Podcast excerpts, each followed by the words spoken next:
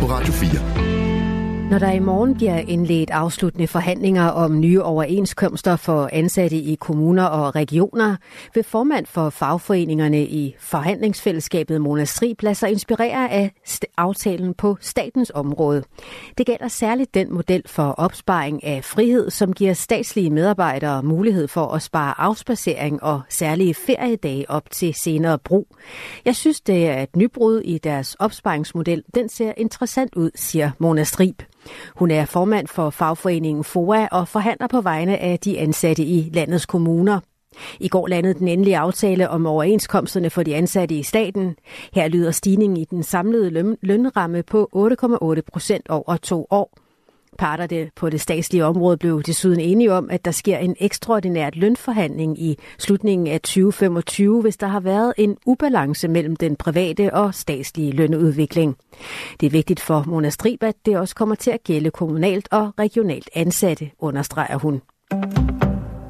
Her til aften oplyser forlystelsesparken Lise Berg ved Jødeborg til Reuters, at en mandlig medarbejder meldes savnet efter en voldsom brand i parkens nye vandland Oceania.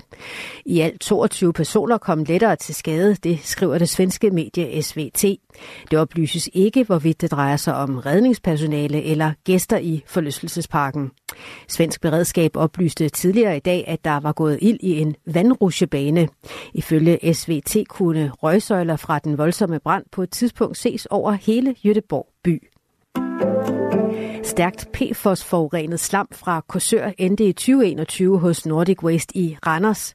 Få måneder senere var de mange tons gjort til ren jord, ifølge en jordprøve, som Nordic Waste selv udtog og sendte til myndighederne.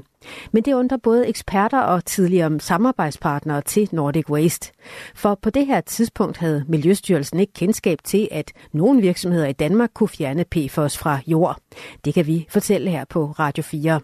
Oplysningen chokerer Rosa Lykke Yde, der er byrådsmedlem for SF i Randers. Mine alarmklokker bimler og bamler. Jeg tør ikke at sætte to streger under og konkludere noget.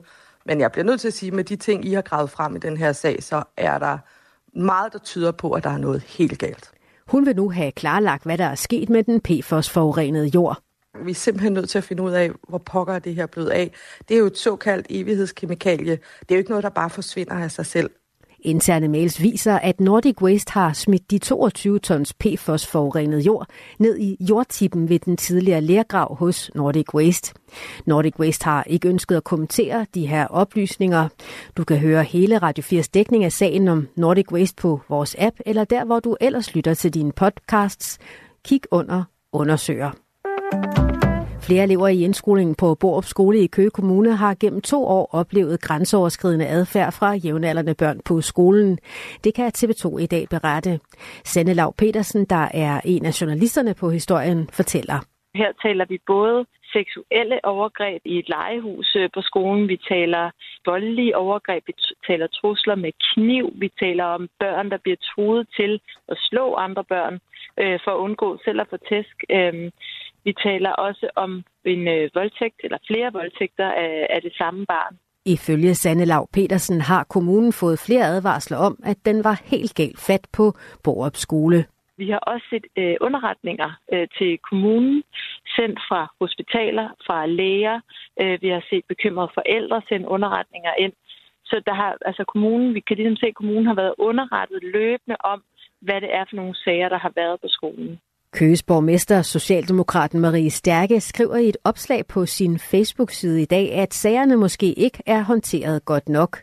Noget kunne tyde på, at en del af opfølgningen på sagerne, som forvaltningen og ledelse kender til, kunne være håndteret bedre over for resten af forældregruppen og øvrige elever, skriver hun i et opslag på sin Facebook-side.